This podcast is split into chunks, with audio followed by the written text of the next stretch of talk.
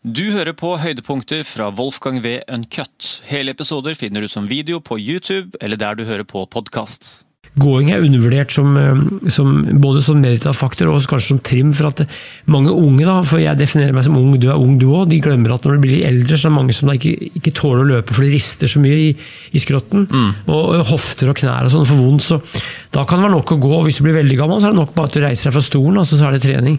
Så, så, så det, det er at eh, folk da ofte mosjonerer ulikt gjennom livet, og hvis du skal bli gammel eller tåle å mosjonere, så er det ofte lurt å tenke litt på det etter hvert. og Mange mannfolk som er kanskje i 50-60-åra, 40-åra, tror at de er 20 år, og skjønner ikke helt at de må kanskje moderere seg litt, selv om det gjelder å utfordre fysikken. Og så, så er det ikke nødvendig alt å, eh, å, å, gjøre kanskje det du gjorde da du var 20 år. For, mm. for det er jo sånn at um, gamle menn, altså de, de, Jeg intervjuer mye gamlinger, og de sitter og snakker om alt de kunne gjøre før, hvor sterke de var, og damene sitter og prater om hvor pene de var.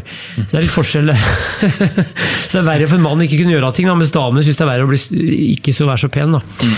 Så, det er veldig fælt for mange menn å bli gamle, fordi at de klarte så mye mer. Også, også det er naturlig, da, for blir du gammel nok, så klarer du ikke mye. men men altså at, at, det tenker han ofte ikke på når han er ung, at det kanskje blir vanskelig etter hvert å klare det og det, men da, mm. hvis han vet om det, så kan han kanskje justere seg og finne en balanse som passer for seg. Ja, det er veldig lurt, og det jeg hørte en podkast om også som tok opp nettopp det der at man må ikke bli eldre og så tenke nettopp det du sa nå, at dette her får jeg ikke til lenger. Tenk alle de tingene jeg kunne gjøre før jeg kunne spille fotball på det nivået, eller mm. løfte, bygge hus, hva faen da. Men uh, det, det de fokuserte på der, var jo hva må du være sterk på om 15-20 år? Når du er 50, hva skal du gjøre når du blir 70 år? Da er det nøkkeltingene. Jeg må kunne gå, i hvert fall. Gå tur. Det er stor glede i det. Og fysisk eh, psykisk gevinst. Og ikke minst det her med barnebarn. Sånn, okay, hva, hva, hva, skal du gjøre? Hvor sterk må du være for å kunne være med dine barnebarn? Da? Jo, du må kunne sitte og kunne reise deg. Du kunne leke med barna på, på gulvet. Og så må du trene deretter allerede i sånn 50 år. og tenke, okay, Hva er liksom de tingene du må faktisk bli sterk på da, når du skal bli 70 for å kunne gjøre de tingene og leve et lykkelig liv, istedenfor å eh, pumpe kroppen liksom, med maratonløping og bare tære kroppen ned, som jeg er veldig sånn trendgreie nå.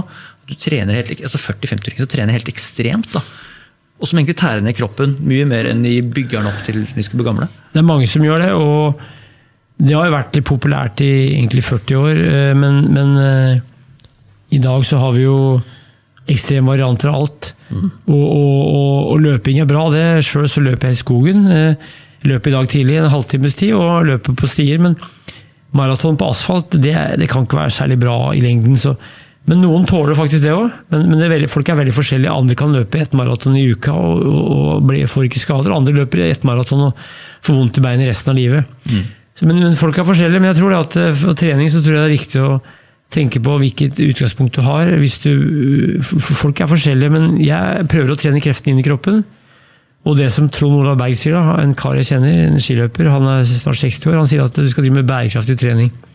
Og det er noe som jeg syns det er veldig bra uttrykk, men det er forskjellig for alle. Hva er bærekraftig? Altså, du trenger ikke å stresse det, men at du finner din idrett, ditt nivå, eller dine idretter eller dine aktiviteter, mm. og driver på din måte. Det er ikke noe poeng å løpe fort hvis en ikke vil det, men å finne sitt nivå. Da. og det, mm. det, er sånn i det moderne samfunnet at det moderne mennesket, særlig mannen, har veldig lyst til å måle alt, og det er bra, det. Men hvis alt skal måles, så må du regne med at du med matematisk sikkerhet blir dårligere med åra. Mm.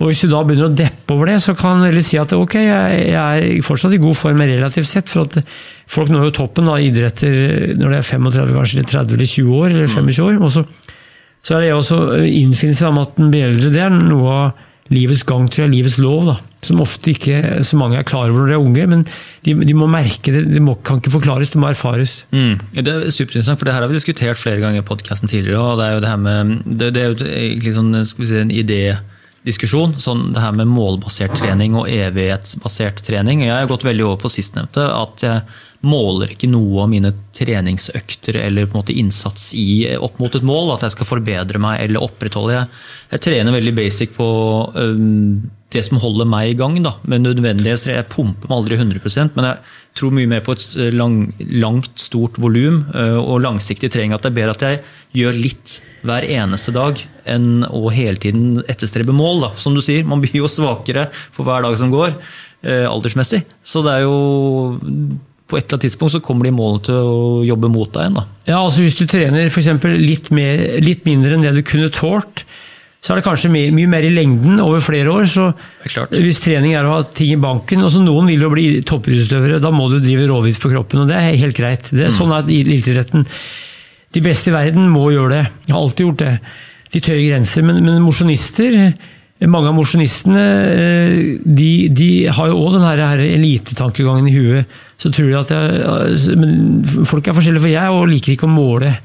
Jeg går på ski, og så går jeg så lenge jeg orker, og så løper jeg. Så, mm.